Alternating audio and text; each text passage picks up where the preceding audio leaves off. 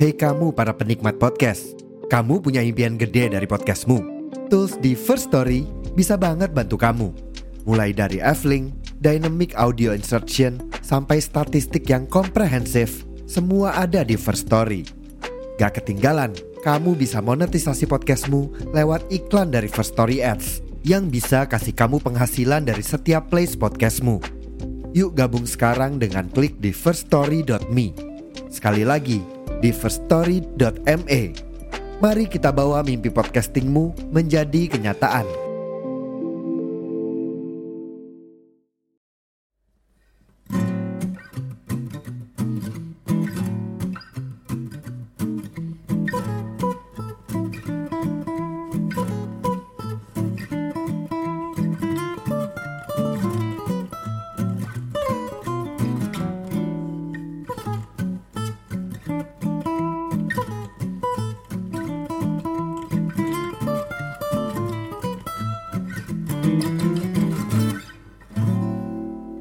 Selamat datang di Optis, obrolan para tifosi sepak bola.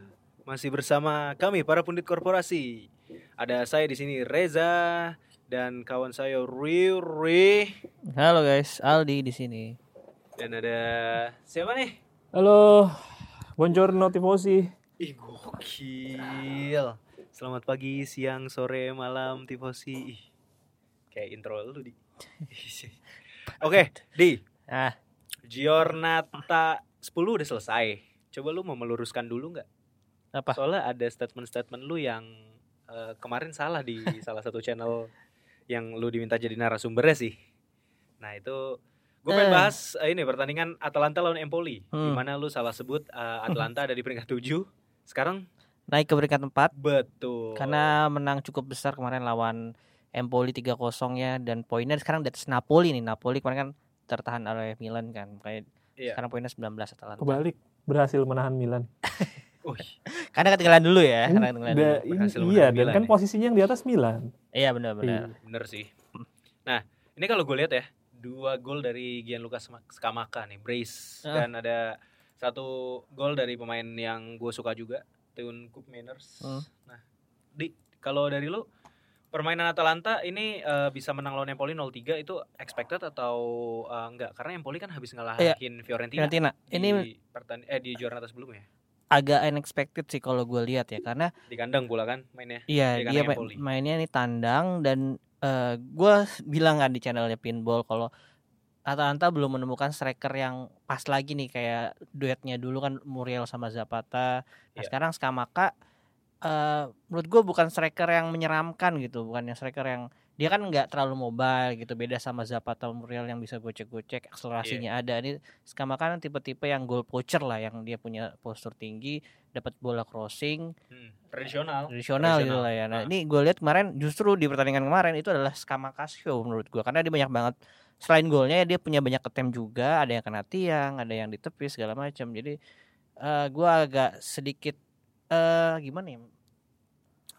Tertarik juga dengan permainan Skamaka kemarin dan dari Atalanta biasanya Atalanta tuh main mengandalkan wing ya. Dulu kan main 3-5-2, sekarang kan legi- Iya. lebih ke 3-4-2-1. Jadi mereka lebih sering lewat eh 2-1 itu di belakang striker nggak nggak terlalu melebar gitu. Jadi lebih main lewat tengah gitu. Ada ada Mula Lukman yang eh, kita tahu gua taunya itu ja- bagus di wing, dia kemarin mainnya lebih ke tengah di sini kalau gua ngeliat ya, ya sebenarnya eh, kalau gue sih lebih memperhatikan si Teun Koopmeiners gitu ya.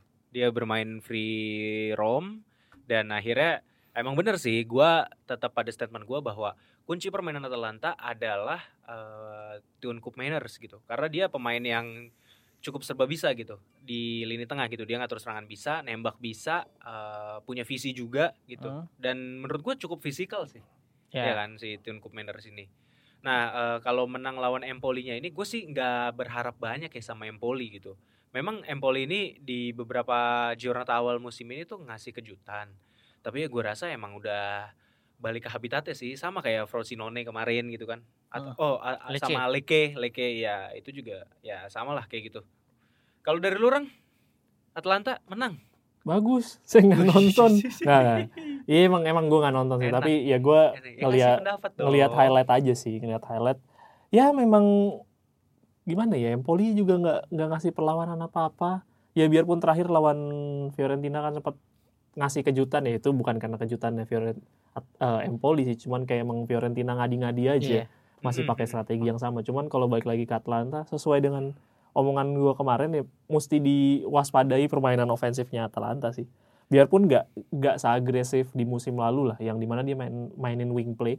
Tapi menurut gua bisa jadi kartu jokernya di uh, Atalanta nanti bisa di Muriel sih. Nanti Iya, ya. iya, iya. Tapi tapi kalau menurut lu kemenangan Atalanta ini juga masih ini bisa jadi momentum buat Atalanta bersaing di peringkat zona Liga Champions Belum atau tahu. emang ini masih angin belum tahu belum tahu Atalanta masih, tiga masih kelihatan kan? iya, Atalanta tiga Nanti musim terakhir ya musim lalu aja menang Iya. 8-2 lawan Salernitana gue kira Salernitana, sudah kebangkitannya Atalanta ternyata ya begitu lagi Iya iya, inkonsistensi ini masih jadi eh, penyakit Atalanta sih. Iya. Gue juga gue juga cukup memperhatikan Atalanta ya musim ini ya. Terus kalau gue lihat sih emang lu tau gak sih yang kayak eh, di minggu ini dia menang nih. Terus minggu depannya gue nonton dia dan gue mendapatkan kekecewaan gitu. Mainnya mentok, oper-operannya nggak jelas. Iya, hoki-hokian nonton- long ball. nonton Iya, Atalanta tuh oke-okean Iya kalau lagi bagus bagus. Nah kayak ya di Giornata 10 ini ya ini Atalanta yang bagus lah. Nah terus ada yang baru selesai juga pertandingan Lazio lawan Fiorentina. Lazio berhasil meraih kemenangan 1-0 dan ini eh, mengakhiri gol apa ya, drop drop out eh, gol Iya. keseratan out ya, keseratan gol keseratan golnya si Ciro Immobile ya. Hmm. Iya. Dan kayak musim ini baru dua dan dua-dua penalti. Gua iya, iya benar, dan itu juga menit 90-an 96 90 plus 6. Jadi emang spesialis tendangan penalti di menit akhir apa gimana Ciro Immobile sekarang ini? Iya, Striker.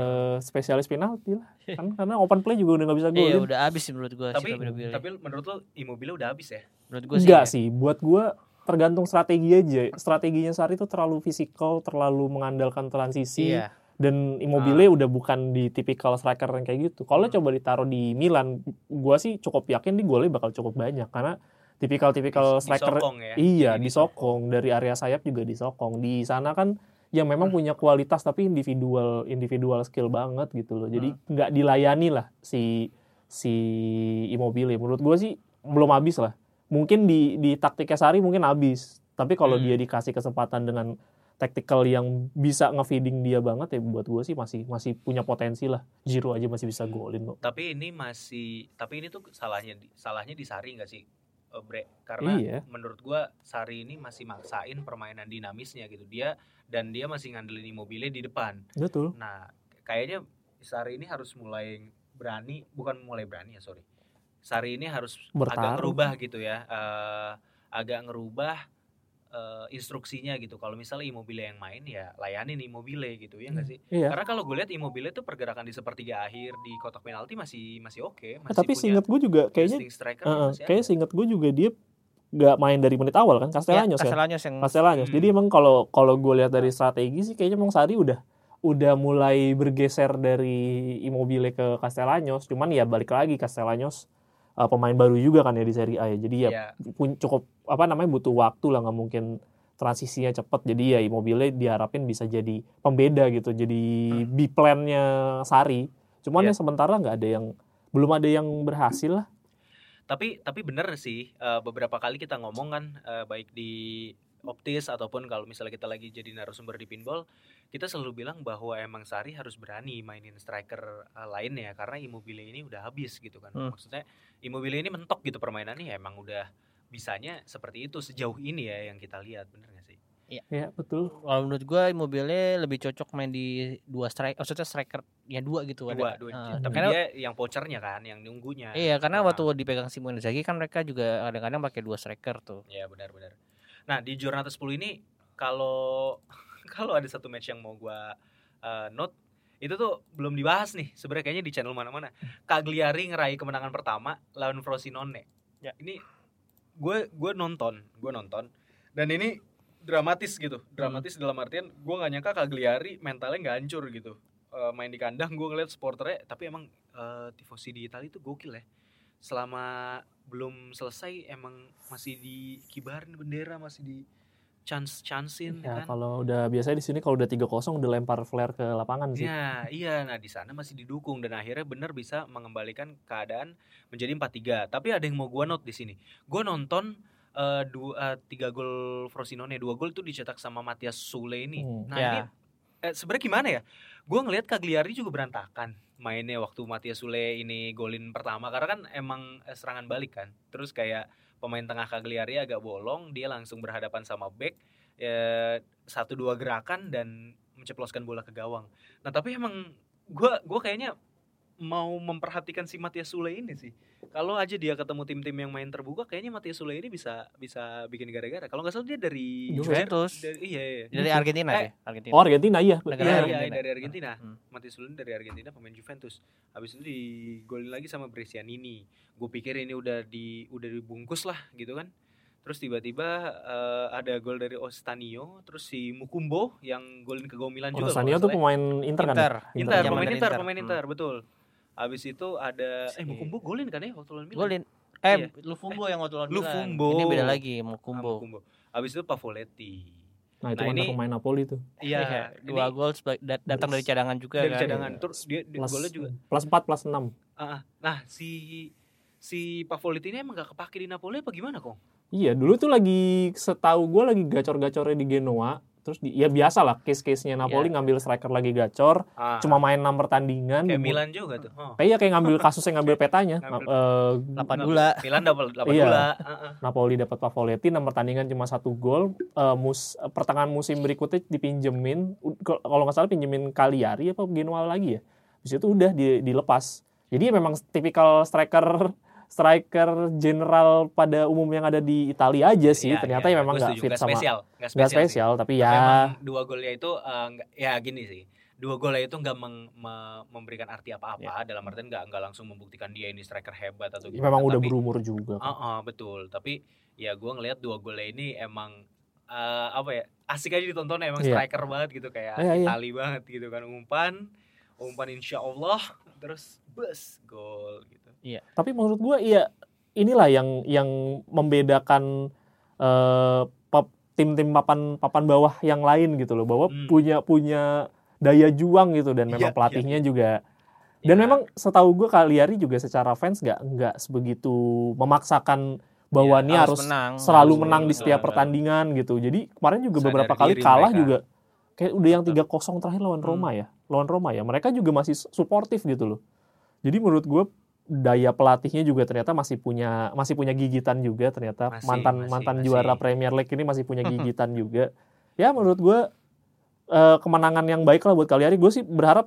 jadi banyak tim-tim papan bawah lagi yang berani bermain lebih gila lagi sih selain Fiorentina Tapi tapi gua terharu sih waktu ngelihat pertandingan ini. Terus akhirnya Ranieri langsung nutup muka gitu Hmm. kan dia asli senyumnya sumringah banget.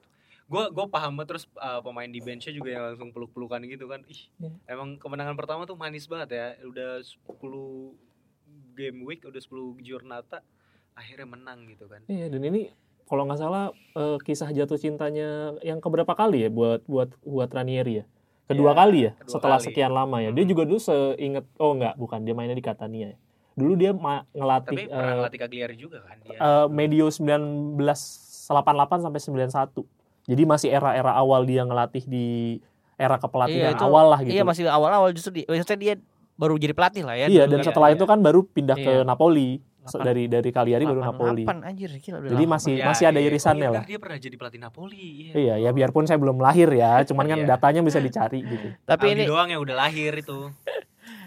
tapi ini eh, info menarik mungkin ini Cagliari jadi Nah, tim ini nih. pertama yang bisa comeback dari ketinggalan 3 gol di dari di menit 70 gol. Sih. Iya Iya. betul betul Iya. betul betul. Itu Keren tim itu. pertama di di Serie A. musim Ha-ha. musim ini atau kayaknya yang whole maksudnya seluruh all time all time. All time. Oh, iya benar benar benar benar benar. Karena Serie A itu biasanya kalau udah ketinggalan 2 atau 3 gol udah selesai deh.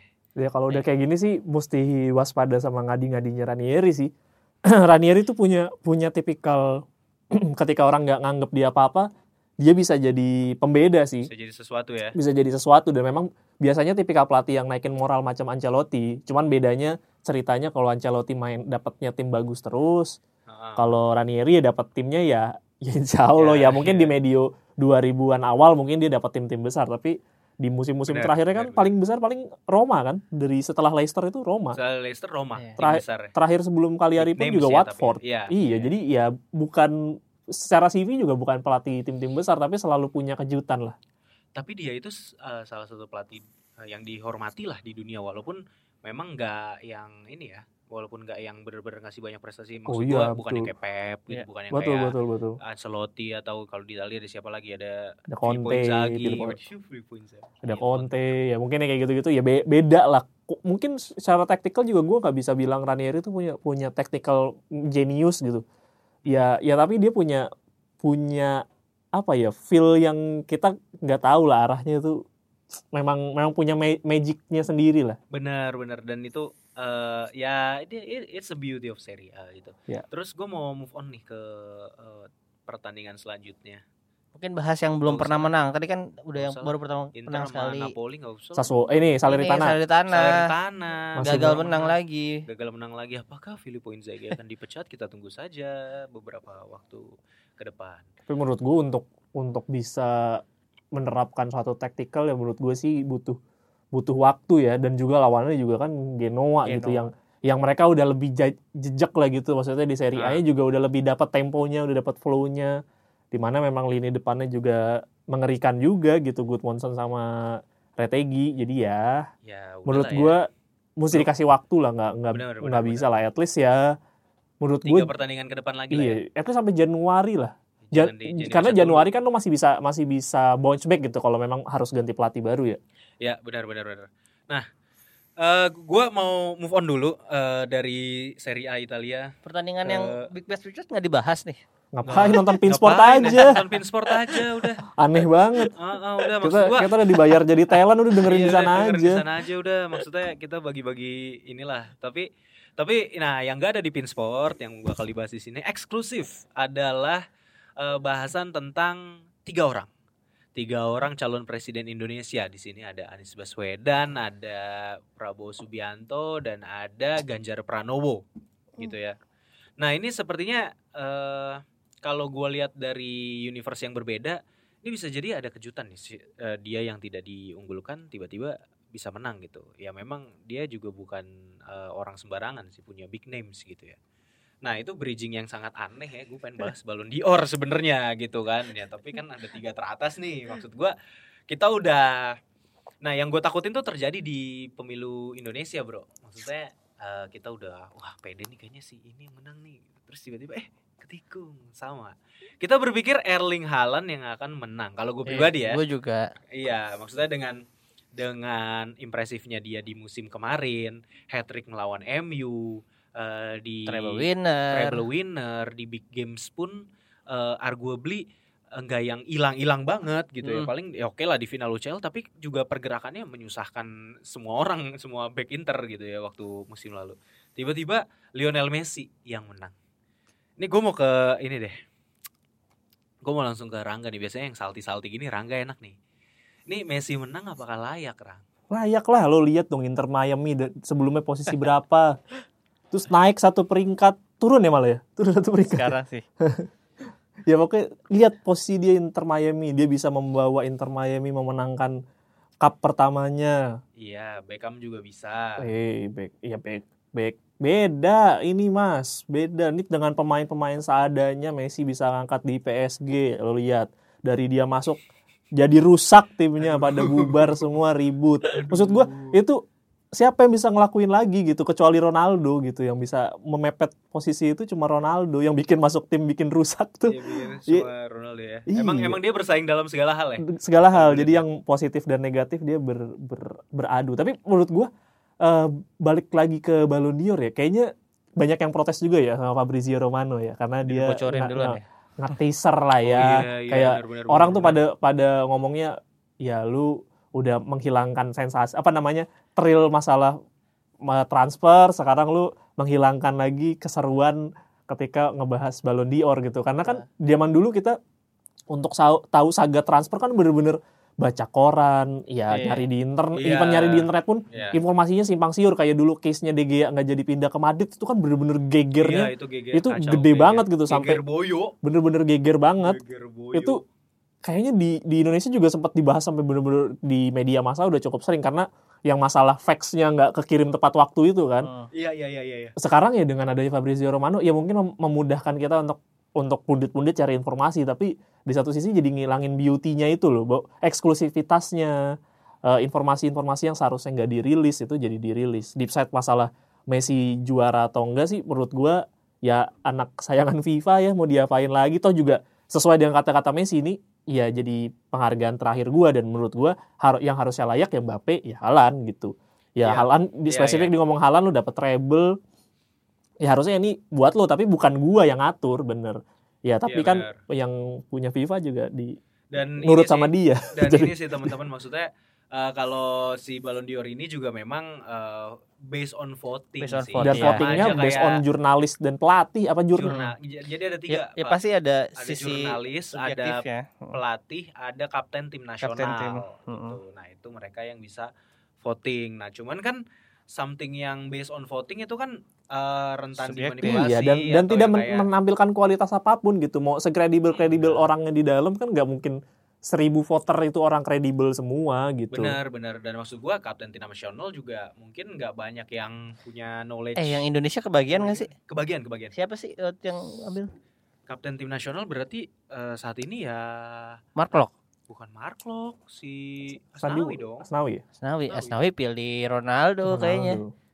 Ronaldo mah. Tapi Ronaldo tuh masuk masuk 30 besar ya sih? Enggak, Sama sekali. kan? berarti berarti enggak enggak di vote ya kalau enggak masuk ya. Eh, nggak tahu eh, lebih lebih tepatnya nggak tahu mungkin dia udah punya threshold kali udah di posisi Hmm. dia cuma ngambil 30 besar di bawah itu ya mungkin suaranya Ah. di bawah 5 atau di bawah 3 Iya benar-benar dan ada poin-poinnya sih setahu gua karena Iya. berdasarkan ranking kan. Iya. Ranking dari negaranya. Nah, itu sih kalau lu di Kalau gua di tiga kandidat teratas dulu deh kita bahas ya. ya pokoknya kalau gua sih lebih condong ke Halan memang karena ya tadi yang lu bilang lu udah sebutin semua prestasinya di musim kemarin ya di 2023. Mm-mm. Eh di- kalau dibandingkan Messi ya cuman Piala Dunia dan di PSG pun dia gagal juara dengan super timnya. Eh terus sekarang di Inter Miami, Inter Miami gagal lolos playoff juga ujung-ujungnya kan. Eh banyak yang bilang iyalah karena World Cup loh. World Cup 4 tahun sekali menang. Tapi menurut gua jadi nggak adil gitu kalau misalnya juara atau pemenang Ballon d'Or tiap World Cup itu harus dari World Cup juga karena tahun 2010 di mana Inter eh, Treble. juara tre- treble winner itu bahkan Inter nggak ada apa- tiga nggak ada satu main pun yang masuk ke tiga besar itu ada adanya Lionel Messi, Andres Iniesta sama Xavi. Kalau kita Itu mau ngambil dari iya. juara juara Piala Dunia ya dari Spanyol harusnya Iniesta atau Iniesta, Xavi. Iya. Nah ini balik lagi ke Barcelona si Messi yang waktu itu gue juga lupa dia menang di eh, La Liga atau enggak. Tapi ya jadi jadi jadi nggak make sense saja ini kalau ngomongin gara-gara juara World Cup karena di 2010 yang juara World Cup justru Spanyol nggak ada nggak menang juga terus 2014 itu Cristiano Ronaldo yang menang Iya. juga si Eh, Jerman ya Jerman. Ah, Jerman ya jadi nggak ada nggak ada pemain Jerman juga di tiga besar 2018 itu ah 2018 paling agak fair. Lu- Luka Modric Luka Modric dia masuk final itu agak Hmm. fair sih memang Iya. ya ya berarti kan tidak menentukan bahwa bahwa lu harus harus jadi juara kan untuk Iya. dapat Iya, itu benar, kan benar, benar. ya Harus, ya harus. ya jadi bisa di didebat balik gitu loh tapi ya balik lagi kalau memang jalon balon diornya Messi itu ditentukan karena World Cup World Cup total pertandingannya ada berapa cuma banyak tujuh kan Iya, benar benar. tujuh dibandingkan Halan yang bermain dalam satu musim 50 sampai 60 50 Iya. Ya, itu jadi sih. menurut gua itu yang buat gua jadi jadi tidak fairnya adalah perhitungan perhitungan yang seperti itu. Kalau Modric runner up tapi dia secara tim juga waktu Iya, itu di- juara iya, champion juga iya, kan. iya, Iya, di Liga-. Juara champion dan juga memang permainannya stabil gitu. Dan gue ngeliat dia nge-carry timnya juga Iya, bro, di itu. Maksudnya emang Ta- jadi tumpuan. Ya memang Messi mengcarry timnya tapi di Iya, saat di setuju, PSG ya nggak nggak ada nggak ada sesuatu hal yang bisa di, dibanggakan juga gitu di PSG bener-bener hilang gitu tenggelam banget Messi jadi ya Iya, benar. Jadi dirag- menurut gua memang kalau ngomongin keraguan kita terhadap kredibilitas hasil dari Ballon d'Or, ya nggak usah diraguin lagi zamannya Lewandowski, zamannya Robbery, robbery, robbery Iya. aja, robbery. Robbery, iya. Ribery itu ya. 2013 ya 2013 yang menang kalau nggak salah Ronaldo ya. iya Bayern Munchen juara treble juga Treble, Iya, Treble. jadi jadi maksud maksud gua kalau ngomong-ngomongin ketidakadilan itu ya ya ya memang udah terjadi berkali-kali gitu, bukan Ya. cuma sekali dua kali, lebih dari lima kali enam kali yang kita tahu. Jadi ya menurut gua ya memang ini biarkanlah para penyembah Messi biar pada bahagia. Iya, dan Mungkin di ini kehidupan mereka tidak pernah bahagia, tidur Kayak- susah, jadi nyari makan susah. At least dia bisa Ya ada sesuatu yang dibanggakan ke teman-temannya. Messi juara Ballon d'Or, Ronaldo juara apa gitu. Jadi ya Iya. Ya mungkin ini juga eh, apa ya maksudnya pengen bikin records baru sejarah baru yaitu pemenang Ballon d'Or yang nggak main di Eropa ini salah satunya juga dari Liga USA Amerika, ya. USA, jadi ya Amerika. ya ini kan USA juga sepak bola lagi mau dinaik naikin nih ya ada mungkin ya, ada mungkin juga ada ya. agendanya juga. Ada agendanya. Iya, jadi kalau gue ngeliat emang sepak bola dijauhkan dari politik tuh nggak mungkin ya. Harus dijauhkannya dari pol- politik yang buruk gitu. Iya, nggak sih? politik praktis ini. Ini ka- ini kacau sih maksud gua. Tapi emang udah banyak sih wacana-wacana eh bukan wacana ya maksudnya bahasan-bahasan yang emang FIFA ini emang pengen meres Messi se bisa-bisanya mereka Iya, gitu sampai loh. dia Sampai pensiun, pokoknya pensiun, apalah sampai gua apalah. habisin nih Ah, pokoknya kisah-kisah yang Messi, all inspiratif. Messi. Iya, karena ya ya balik lagi itu sum- sumber pendapatannya mereka gitu dengan dengan semua intrik yang dihadirkan sama Ronaldo ya memang itu yang yang yaitu Iya, iya itu debate of the era gitu, drama of the Ah, era. iya, Jadi tapi, tapi emang kemakan juga sih emang. kemakan. Dan emang dua pemain ini juga luar biasa gitu loh. Iya, apakah iya dan Iya, apakah iya. Mbappe dan Halan akan menciptakan intrik baru ini kan kita nggak Iya. tahu kecuali mungkin Halan eh Mbappe pindah ke Madrid it. terus ba, eh, Haaland pindah ke Barcelona. Barcelona mungkin itu menciptakan drama baru lagi gitu dan memang itu harus diciptakan sih buat gua. Masa kayak gitu nggak mau Inter sama Milan aja gitu yang satu ke Inter yang satu ke Milan. Nggak ada yang nonton yang tiga pagi siapa yang mau nonton? Orang goblok sense. doang. Ya tapi ya, ya gue harap pokoknya eh, era Messi udah udah udahlah udah selesai di Ya, sini udah udah, udah jadi eh, Gua rasa, penutup ya. yang baik terus yang lucu lagi kita kan eh, pasti nonton Liga Champion ya nonton Liga Uh-uh. Champion iklan sebelum nonton itu iklan Messi Iklan Messi. Messi Messi- makan lace udah sih lace. Ya udah nggak ada udah nggak main lagi Udah sih. nggak make sense. Udah nggak main Iya, situ. Tapi ngomong-ngomong tadi eh, be- pengandaian gua seandainya eh, duel abad ini tuh ada di Italia gitu ya di AC Milan dan Inter Milan gitu. Sebagaimana Kojiro Hyuga melawan ini ya, melawan Salvatore ini Gentil. Eh, iya kipernya itu. Eh bodoh bodoh lah ya udah.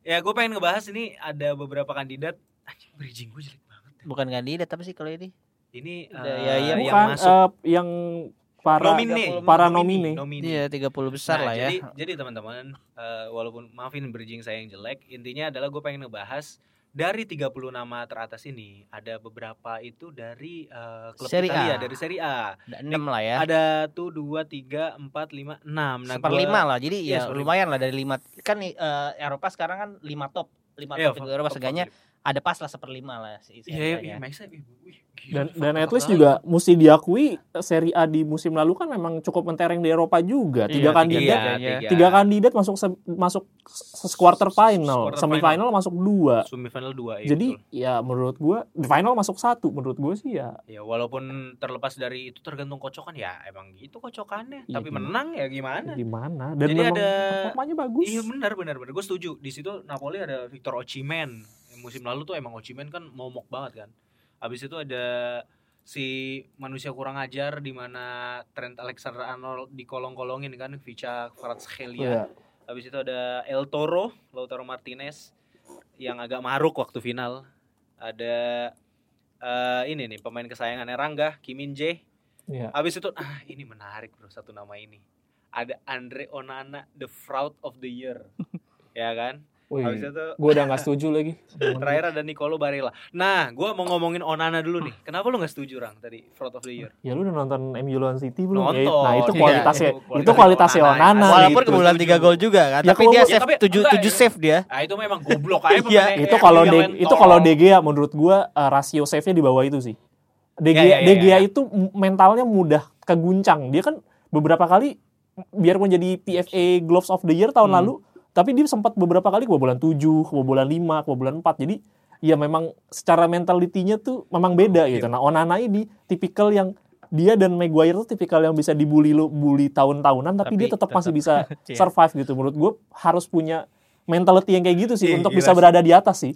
Bisa banget Belum- masalah mental nih. Belum Lu- belum tentu kalau dibalik pemerhati Gen Z lu ya? kalau belum tentu kalau dibalikin ke kita bisa kita bisa perform sebaik Onana kemarin gitu Oh, gue setuju. City. Dan Maguire ah, dan kayak Maguire juga lah ya. Gue harus kasih kredit juga ke Maguire. Tapi memang gue setuju juga. Di lu nonton juga kan eh, derby Manchester? Nonton nonton. Iya, itu Onana save-nya beberapa kali menurut gue.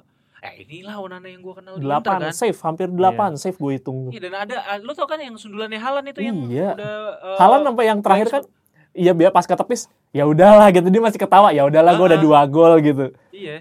Biarpun akhirnya hat trick tapi maksudnya itu stressful itu kalau Haaland nggak nyampe satu lebih dari satu gol sih menurut gue dia bisa bisa stres sih. Karena Iya, emang benar, sebegitu mengganggunya sih itu. Jadi kalau kita ambil kesimpulan ini kan uh, Onana kan ada di peringkat 23 nih. Menurut kalian harusnya lebih tinggi atau lebih rendah? Cukup sih buat gue. Cukup, Cukup gue, ya? gue Masuk cukup. masuk nomine aja buat gue. Karena di atasnya Iya. tuh ada Emiliano Martinez sama eh, kiper satu lagi si Bono dan yang menang Lev Yashin itu si Martinez. Eh, Kalau itu gue debatable ya. Kalau gue sih iya, mungkin iya, iya. ya kalau menurut podium terakhir di Piala Dunia ya sudah ya Emi nggak ada lawan Ah. gitu loh. Tapi kalau menurut kalau menurut dengan pencapaian yang lain kan Bono menang Europa, League. Europa League. Jadi Iya. maksud gua dan dan penyelamatannya di uh, Bono di kompetisi Piala Dunia juga Iya, lebih banyak dibandingkan biasa, Emi, biasa. Iya, lebih iya. banyak dibandingkan Emi dan memang pemain bener-bener pemain krusial dibandingkan Emi yang bener-bener baru kelihatan banget itu di semifinal ke atas, eh Iya. quarter final ke atas Iya, tapi, performanya. berarti tapi lu setuju si Lev Yashinnya ke Emi Enggak bukan ke sih. Bono? Bono sih gua. Harusnya Bono ya? Iya, Harusnya tapi- Bono, harusnya Bono. Gue de- setuju itu Bono. betul itu debatable tapi buat gue Bono sih. Tapi apa pun yang pada akhirnya kan yang juara ya sudah lah. ya. gitu sih. Kan soalnya pialanya dikasih buat itu, buat penderita kanker. Jadi dosanya berkurang si Emi. Tapi eh, kan ini kan uh, Ballon d'Or kan ininya Perancis ya. Mm. Dan kemarin Iya, juga iya, kabarnya pas dia dapat penghargaan banyak yang kayak ngebu-ngebuin di sana. Iya, iya benar. Untung si Emi nggak nggak selebrasi gitu lah gitu Iya. pakai pialanya tuh. Tapi emang tuh orang kurang ajar juga sih. Ya. Sengke banget Iya. itu orang. Amerika Latin banyak gaya, makanya kan dimaki-maki mulu padahal yang kulit hitam di Spanyol banyak. Kenapa dia mulu yang jadi target rasis? Kan ada ngadi-ngadinya gitu. Iya, benar, benar, benar. nge-hate sesuatu tanpa ada sebab gitu. Jadi ya buat gue Bono. Tapi kalau ngomongin eh, apa namanya Ballon d'Or menurut menurut gue fake-nya itu Victor Osimhen itu em, menjadi pemain Nigeria. yang punya peringkat tinggi dibandingkan sebelumnya. Sebelumnya itu namanya Oh, iya. Kroll. Itu 23 tahun lalu. Kalau nggak salah peringkat 10. Si Osimhen kan sekarang peringkat 8. 8 berarti Jadi- rekor baru juga nih. Setelah Rekor sekian baru. lama, akhirnya. Napoli udah mulai banyak memecahkan rekor-rekor person apa timnya sendiri. Jadi menurut gue ini saatnya bangkit lah dengan memecat Rudy Garcia. Lu kenapa aduh, kenapa dibenci banget Rudy Garcia? Tapi emang ya gitu-gitu Ya, aja. sih. Bisa dilihat lah di pertandingan pertama melawan Milan. Nama terakhir ada Nicolo Barella. Menurut lu Barella layak nggak masuk 30 besar ini? Eh, layak tapi eh, memang nggak maksudnya nggak nggak harus nggak nggak layak untuk lebih tinggi daripada posisi yang sekarang sih. Emang Ya, ya. di di musim kemarin 2023 salah satu musim yang agak eh, menurun lah bagi gua si Barella itu dari jumlah gol jumlah asisnya juga menurun dan musim ini juga belum belum mulai nyetel lagi nih. Iya, belum panas lagi. Iya ya. belum Iya. maksudnya nyetel dalam artian eh, asis dan gol ya kalau secara permainan mungkin nggak jauh berbeda karena gue lihat sekarang lebih apa ya lebih kayak maksa banget dia sering spekulasi dari tendangan luar kotak Iya penalti itu yang gue bingung sih. Maksud gue ap- apa sih yang dicari? Mungkin ya mencari gol keran golnya lagi kali ya. Iya, Tapi iya, banyak banget tendangan-tendangan yang dipaksakan gitu. Nah, yang pengen gue protes di sini Lautaro Martinez sih. Lautaro Martinez cuma posisi 20 ya, apa 18 sih gue lupa. 20 Ya, Lautaro pokoknya Martinez. di ba- pokoknya di bawahnya Kvaratskhelia. di bawahnya Iya, 20.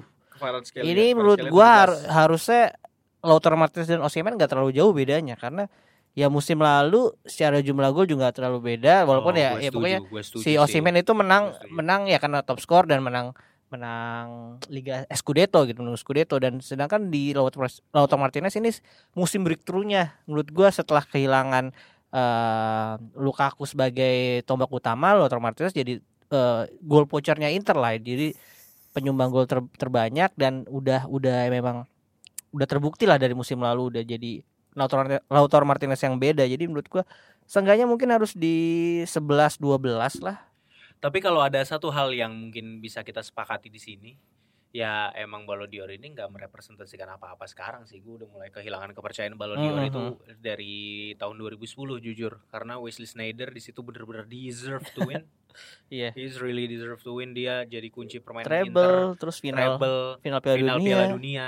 Maksud gue kurang kurang apa lagi yang menang siapa sih Messi kalau Messi. Messi lagi ujung-ujungnya Menurut gue sih ini sih bisa jadi backfire buat Ballon d'Or itu sendiri sih. Tinggal menunggu waktu di mana dia bakal kehilangan kredibilitasnya, pemain mulai boykot kayak boykot tuh Iya. dengan arti bukan bener-bener ngelarang tapi kayak nggak Ya, dateng. bodo amat lah ya maksudnya. Iya, Iya, jadi iya, udah udah nganggap gitu. itu udah suatu hal yang yang nggak ada kredibelnya sama sekali. udah kayak mungkin dahsyatnya award Nah iya betul, make sense bagi bener. musisi, bagi musisi. Lu gitu sih? Enggak enggak, maksud gua ya bener-bener jadi kayak TV eh, samping.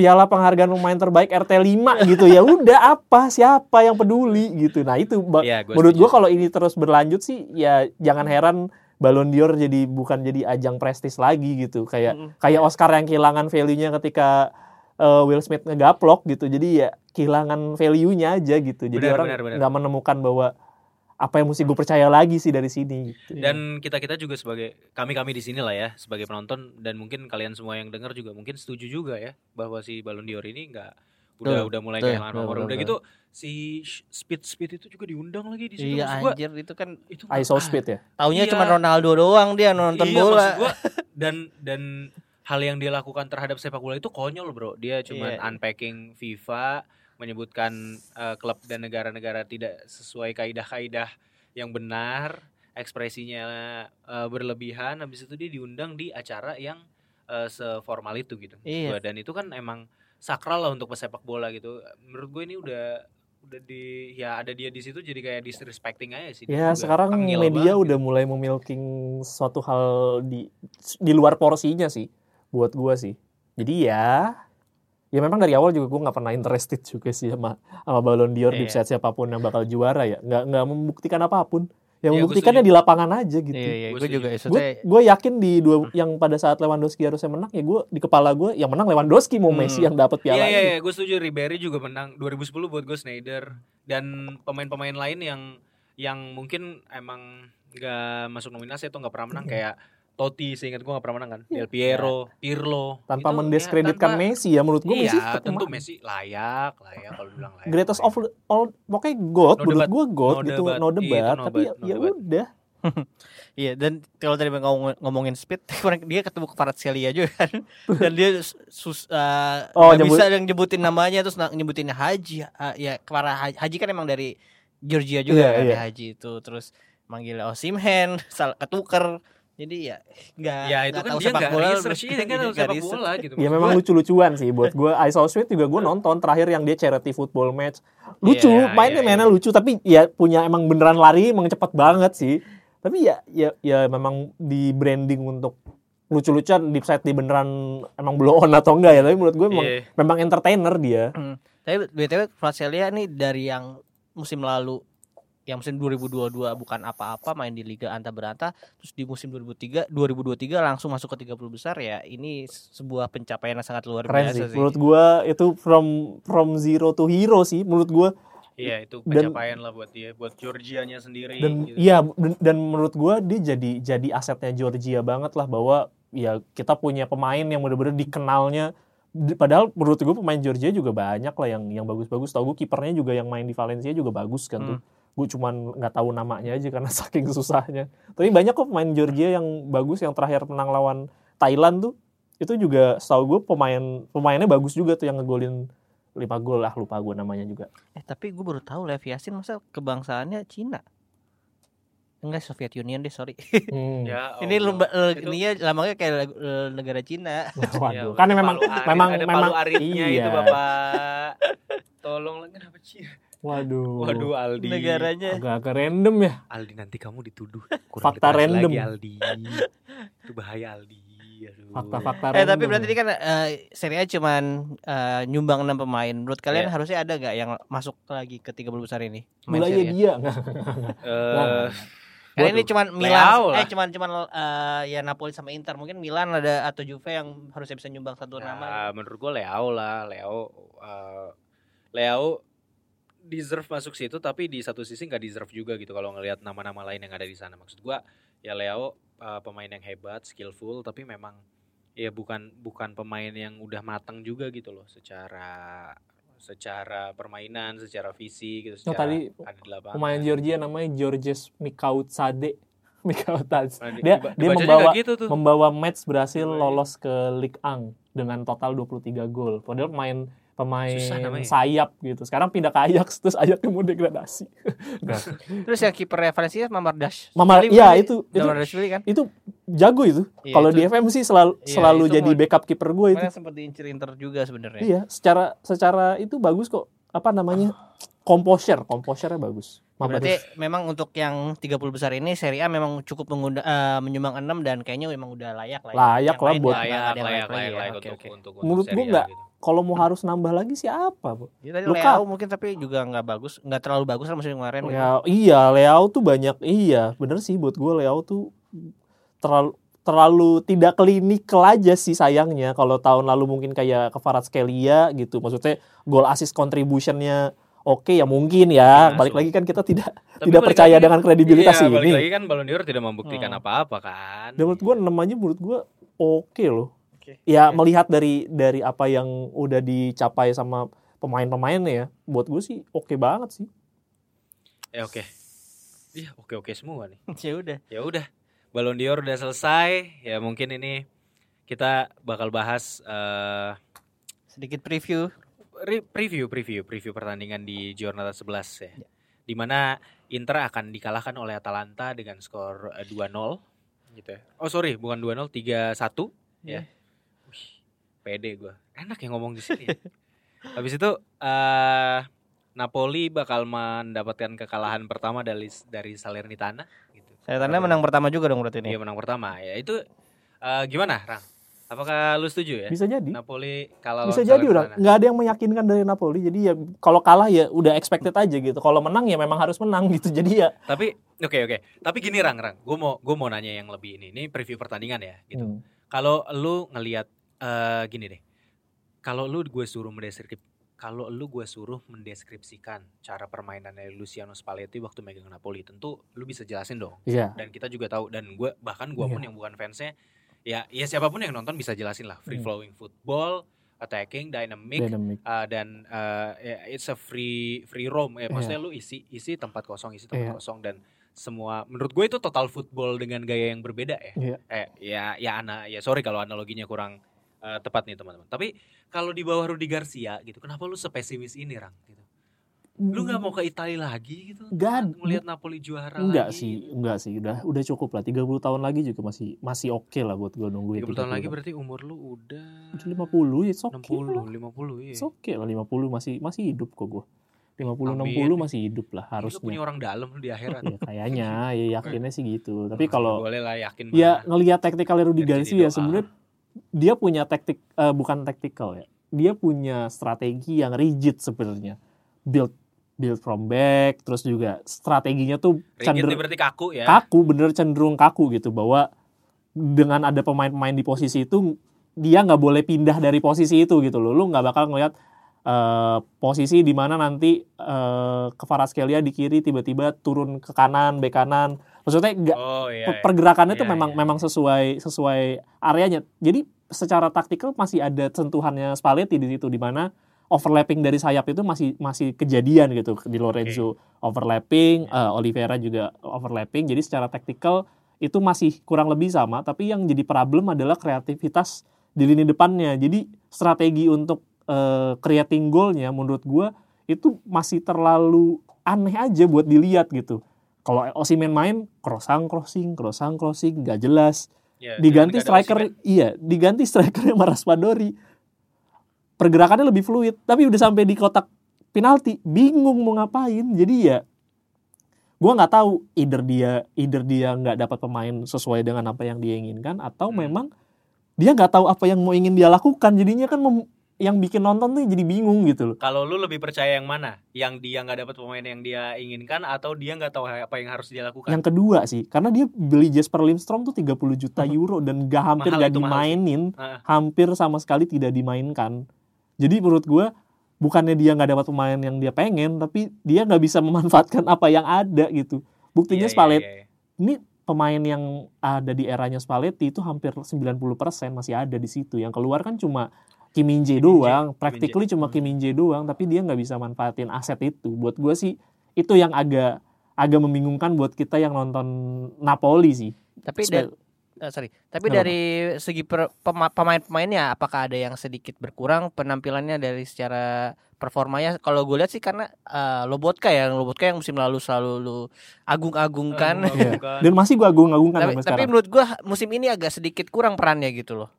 Lo kalau nonton perannya Lobotka itu jauh lebih berat dibandingkan musim lalu. Di mana di musim lalu itu dia masih dapat dia tuh coverage areanya cuma di area belakang menuju ke pemain sayap. Jadi Hmm. ketika pemain overlapping dia itu bantu untuk nutup peran itu. Nah sekarang gelandangnya ikut naik. Jadi di, ketika counter attack dia harus ngecover back sayap sama gelandang.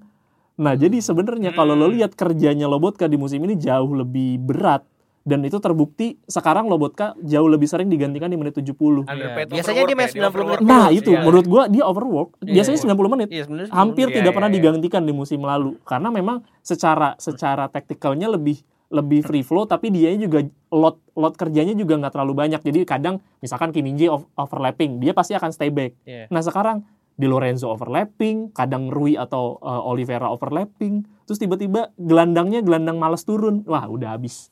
Lobotka yang bantu cover itu semua, bah. Gimana kagak Ah, oke, keteteran si mas-mas itu, mana badannya kecil. Make sense, make sense.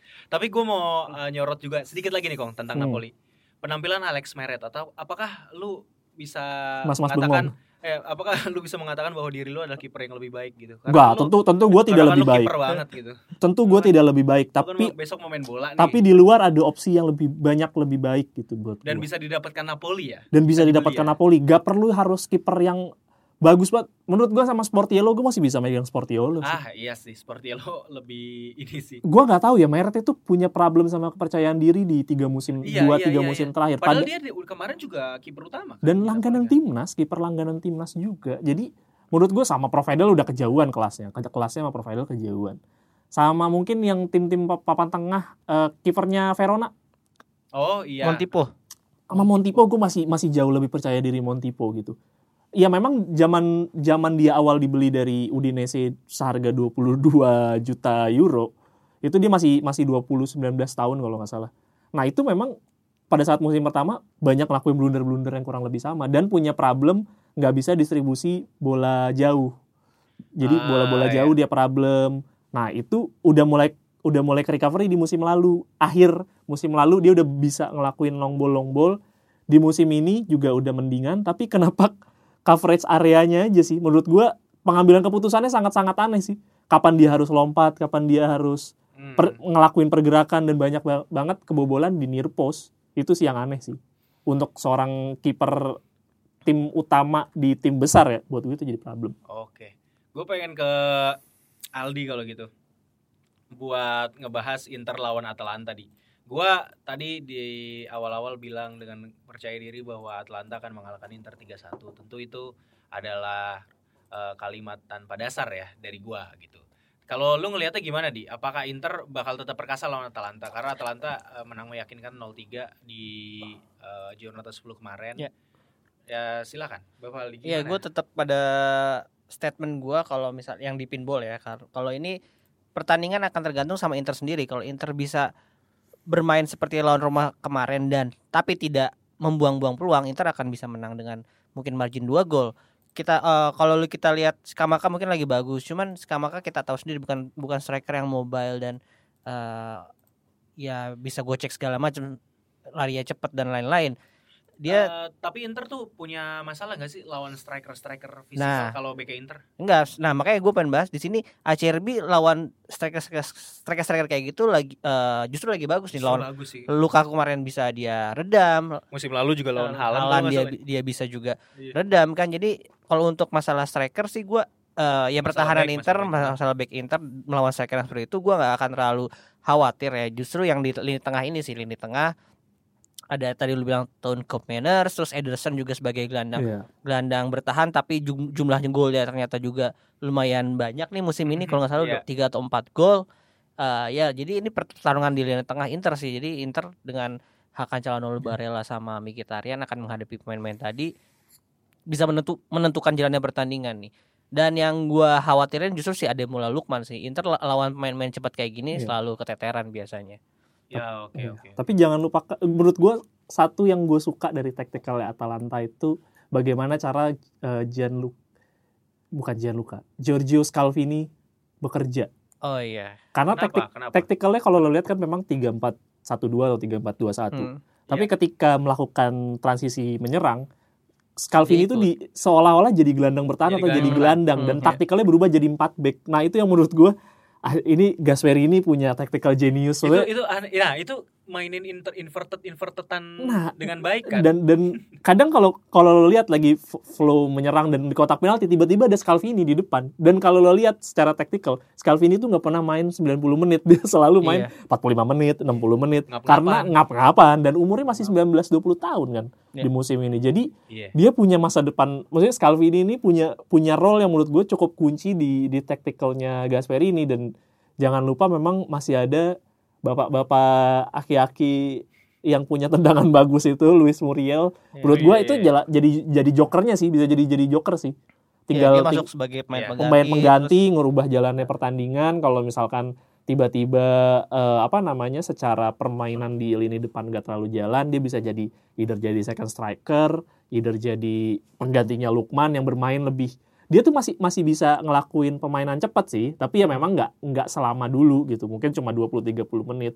Kebukti kok gue nonton lawan Juve mainnya mengerikan gitu. Itu itu orang menakutkan lah buat Iya, gue iya, iya. jadi Gua- itu gua- jokernya sih. Benar, gue berharap juga maksudnya ada ada satu pemain yang memang diplot pas lawan Inter sama si siapa eh, Gasperi ini Hmm. untuk bisa eh, bantuin lini tengah sih. Maksudnya bisa bantuin Tuan Cook Manners di Iya. posisi eh, gelandang lubang gitu ya. Mm-mm. Nah, itu biar maksudnya buat ngerepotin Inter aja gitu maksudnya. Biar paling nggak bikin inilah bikin eh, pemain tengahnya Inter capek either Kalhanoglu atau si Mkhitaryan gitu kan. iya Biar dia kagak lincah-lincah amat. Iya, selama umur nggak 90 bisa dibohongin lah. Mm-mm, Lu iya, 90 benar. menit kena press terus, secara Iya. gelandang juga nggak bisa ngalirin bola secara lancar. Seolah-olah kan di sini gelandangnya eh, Atalanta seolah-olah bisa ada tiga, kadang empat berharap gitu karena bisa Scalvini-nya bisa dimainin. bisa Iya, narik ke iya, depan, iya. backnya Iya, jadi nurun jadi empat. Iya, Menurut iya, gue sih itu. itu sih yang mesti diwaspadain sama Inter dan memang mesti diakui Napoli lawan Atalanta juga nggak pernah gampang kok dari dari dari musim Iya, lalu. dan- Betul, betul. Iya, iya. Semoga nggak bapuk ya Atlanta ini. gua Semoga, sih. semoga jangan Iya. kayak lawan I- Juve. Iya, iya, Males benar, banget gue nontonnya itu. Iya, tapi ya berarti emang ya, sekarang permainan Atalanta udah mungkin udah berubah banget sih karena di- yang kita berlihat bermusim-musim main dari sayap mengandalkan Gosen Iya, sama Hateboer iya. sekarang udah yang dari lu bilang ada yang dari back maju ke tengah. Jadi lini tengahnya emang udah jadi kuncinya permainan Atalanta musim ini. Lukman lari-larian mulu, Iya. kagak ada berhentinya kata gue mas, mas berhenti mas. Sekarang pemainnya justru lebih punya individual skill lah. Mesti diakui Skamaka tuh pergerakannya tuh skillful gitu, masih agak main-main cantik dikit gitu. Ya, Sekarang golnya juga kemarin juga eh gol back heel tuh kan. iya, jadi emang Skamaka tuh punya pergerakan yang aneh. Zaman di West Ham tendangan jarak jauh berapa kali. Sekarang ada juga Pasalic. Pasalic juga Iya, mainnya Marco Pasalic. lem- lem- lebih lambat tapi lebih efektif. Jadi ya itu sih yang mesti Pasalic diwaspadai. itu badannya kecil jadi kelihatan Iya, lambat kok. Iya. Iya, Di Ketelere juga sama, bukan tipikal striker kelemar-kelemar. naik. Ya tapi jadi, bisa jadi nah bingung kan pemain Inter. Nah, ini ngapain sih Mas-mas ini tiba-tiba Iya, di depan gawang golin. Kelemar-kelemar. Iya, benar. Jadi banyak menurut gue Iya, banyak iya, sih iya. pemain-pemain yang patut diwaspadai di Atalanta Iya, karena iya. jadi menarik Ya, gitu ya, mainnya. tapi kita baik lagi di musim ini mereka belum terlalu konsisten Ya, banget ya. itu Iya, itu makanya. Makanya tadi gua ada doa-doa Hmm. harapan gitu semoga nggak bapuk. Iya, lawan tim-tim besar mereka belum menang sama sekali. Lawan Juventus seri, lawan Lazio kalah, lawan Fiorentina kalah. Ntar menangnya lawan Napoli Nah, ini aja. ada sama ada ada yang belum menang lawan tim besar. Iya, AC Milan. Iya. Yang mau gue bahas. Roma, Roma. Napoli juga belum. Roma nggak Ya, ada. Roma big name sih. Napoli Ya, belum. Napoli. Ya udah lah, berarti kalau untuk Inter kita tutup mungkin ya kalau dari gue Iya, sendiri gue gua, gua agak ya. pede bisa menang 2-0. Gua Eh, dua- yang gua yang nggak pede sebagai fans Milan nih lawan Udinese. Udinese ini tim yang apa ya alot bro. Emang musim ini Bisa cuma nahan seri-seri itu musim gua ini cuma. Inter Iya. doang yang pede. Yang Iya. musim ini cuma Inter Iya, doang. iya, Sama iya kan? Juve mungkin dikit-dikit mah. Hmm. Juve udah mulai Juve improve, udah mulai Juve udah improve, mulai Juve berani membusungkan dada sekarang. Lihat Hmm. aja nanti kena skandal lagi, Mas. Anjing.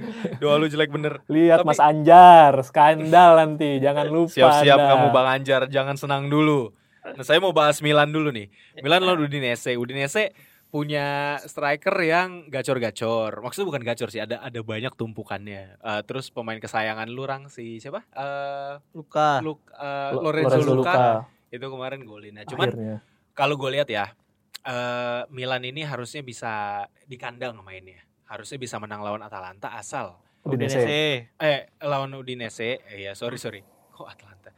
Asalkan ya Pioli eh, benar-benar ngasih taktikal yang baik gitu, ngasih arahan yang baik ke anak-anak asuhnya dan juga Leo jangan kayak kemarin lah. Leo tuh kemarin main-main banget lawan si Napoli, gue bingung banget kayak nggak ada kayak nggak ada keinginan untuk eh, menangnya gitu Udah gitu diga- udah gitu diganti kesel lagi. Iya. Ya mas sadar mainnya kayak gimana Iya, mainnya- ente.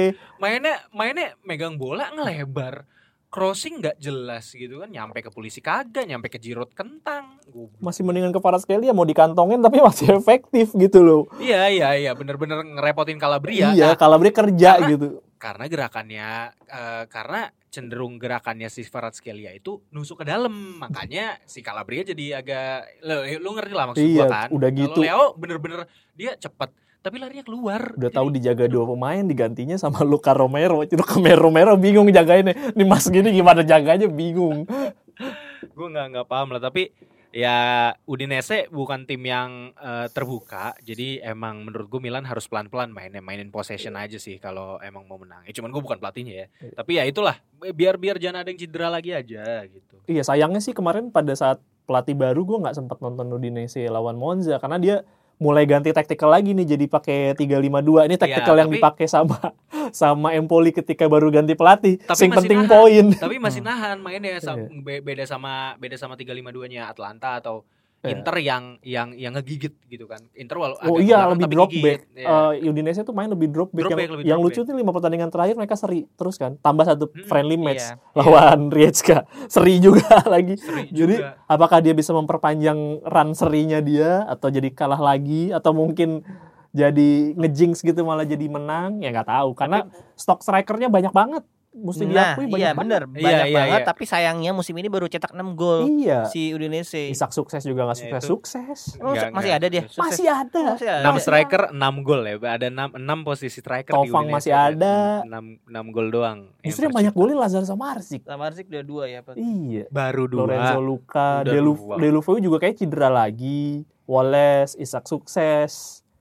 jadi Nah, banyak banget Ya kalau menurut gue sih Milan mm, mungkin kecil kemungkinan untuk kalah tapi yang kemungkinan serinya lebih ada seri sih menurut gue karena Itu ya, Indonesia gua tim lebih- seri juga. gue lebih lebih feeling Milan seri nah ini ada pertandingan big match ya M- mungkin gue nggak bisa bahas semua lah pokoknya ini terakhir nih Eh, Juventus lawan Fiorentina lawan Juventus mainnya Iya. di Stadio Artemio Franchi Hmm. Franchi Iya.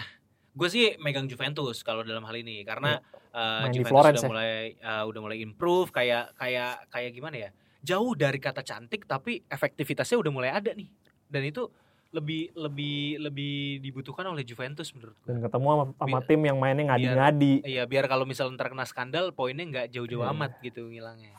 ketemunya sama tim yang mainnya ngadi-ngadi. Iya Fiorentina nyerang yang insya Allah nyerang, nyerangnya. Pulangnya nanti. dan setahu turun. dan setahu gue juga pemain bek kanannya dia andalannya si TT itu juga lagi cedera. Makanya kemarin yang lawan Napoli itu mainin pemain muda. Namanya siapa ya? Gue lupa lagi pokoknya itu pemain muda dimainin lawan Napoli dan menang lagi malu-malu itu banget jadi si apa namanya si TT itu cedera ham- kayaknya hampir enam bulan apa empat bulan itu diganti sama Coyote namanya Coyote nah itu lawan Napoli dinamainin nah sekarang karena si Biraginya udah sembuh sekarang kanannya diganti Parisi tadinya Parisi Iya, yang Parisi bener, Biragi biasanya. Jadi Biragi ya terpaksa aja sih main- dimainin di kanan. dia. Iya jadi ganti-gantian kadang si Biragi, yang di Biragi, kanan kadang iya. yang Parisi yang di kanan tapi gak terlalu efektif sih justru pada saat dimainin Coyote memang dia lebih panikan gitu loh maksudnya pemain anak muda gitu sama kayak Pellegrino gitu dimainin Iya, dimain iya. sekalinya Wah, dimainin lawan tim gede gitu Cedera abis itu ya. Tapi Coyote itu berhasil ngantongin kepala Skelia loh. Waktu itu pad- pada saat lawan Napoli. Jadi Hoki masa mudanya udah ya, dipakai itu. ya menurut gue sih ya harusnya sadar diri lah polit apa namanya Italiano tuh kalau lawan tim-tim gede ya mainnya bo ya masuk akal gitu. Iya, mainan mainnya lebih pelan-pelan kan. Masuk akal gitu. Menurutku yang masuk akal aja gitu nggak yang semua orang maju ke depan. Iya, Iya. iya, iya, iya, iya. Ya karena lawan Lazio kemarin juga sebenarnya ya nggak nggak layak kalah juga sih kalau Iya, gua nggak bilang. layak- Ya, ya Iya, tentu- cuman- tentu. cuman ya Cuman karena nggak ada ujungnya juga kan main pemain Iya. pemain Fiorentina kan, nggak ada Nah. golnya. nahan nih se- 11 pemain di belakang. Kayak per gitu ditekan, tekan, Iya, tekan, dapat bola lompat semua. Jadi ya menurut gua taktikal kayak gini tuh lo bisa pakai nggak di setiap pertandingan gitu buat gua. Mhm. Itu Iya. itu eh, rentan rentan cedera lah buat gua. Jadi ya Si- kadang betul, tahu diri aja sih buat beli Italiano Iya. sih. Gue juga gue juga prediksi Juve juga bisa menang minimal margin satu gol sih. Nah, itu pasti kalau gue. menang satu gol udah satu udah gol. template Menangnya itu. pasti satu gol Juve. Iya, maksudnya 90 satu gol plus dua Iya, kan? Iya. Yang kemarin juga kocak kan si Cambiaso yang golin kan. Iya. Dia udah Iya. selebrasi duluan sebelum golin. Karena selebrasi dia kira milik yang gol. Terus bolanya Yang mantul, dia. dia yang golin justru. Dia golin. Lu kalau lihat lihat Jangan nonton. Iya, Iya, iya. Lu lihat highlightnya lucu Gue nonton offset. Eh, enggak itu Gua itu cuma kemarin- nonton kemarin itu. Juventus itu apa, permainan penuh selebrasi memang. itu kacau banget. Eh mungkin terakhir sebelum itu tadi udah tadi kan eh, Juventus sama Fiorentina, gue mungkin Lazio Bolonya nambah ini sedikit aja. Iya. Ya gue rasa di sini justru Bolonya akan menang sih. Karena Bolonya juga secara track record belum pernah kalah, kal- baru kalah sekali doang. Kalau lu lihat ini tim seri juga Heeh. menang tiga kali, eh, enam kali seri, satu kali kalah. Kalah juga baru sama Milan. Hmm. Ya minimal eh, nggak kalah lah. Tapi gue gua gua rasa bisa menang lawan Lazio besok. Wah, itu Mana pertandingan pertama lagi ya? Iya. Eh, hari Sabtu pagi ya jam Karena 2.45. Lazio juga- Kita lihat. Ah, mungkin akan rotasi ah, menghadapi Liga Champions juga. Ada ada sedikit faktor itu sih menurut gue. Iya, benar benar. Oke. Thank you yang udah dengerin. Thank Ini you. bakal ditutup oleh puisi dari Rangga. Waduh, Harus lucu. nggak lagu pantun aja. Coba. Dua tiga nonton rally, saya suka Sour Sally. Nah, Ayo, Kodoni. Ayo Kodoni. ayo pada investor. Ayo 2% aja Kodoni. Thank you Kodoni. Ciao.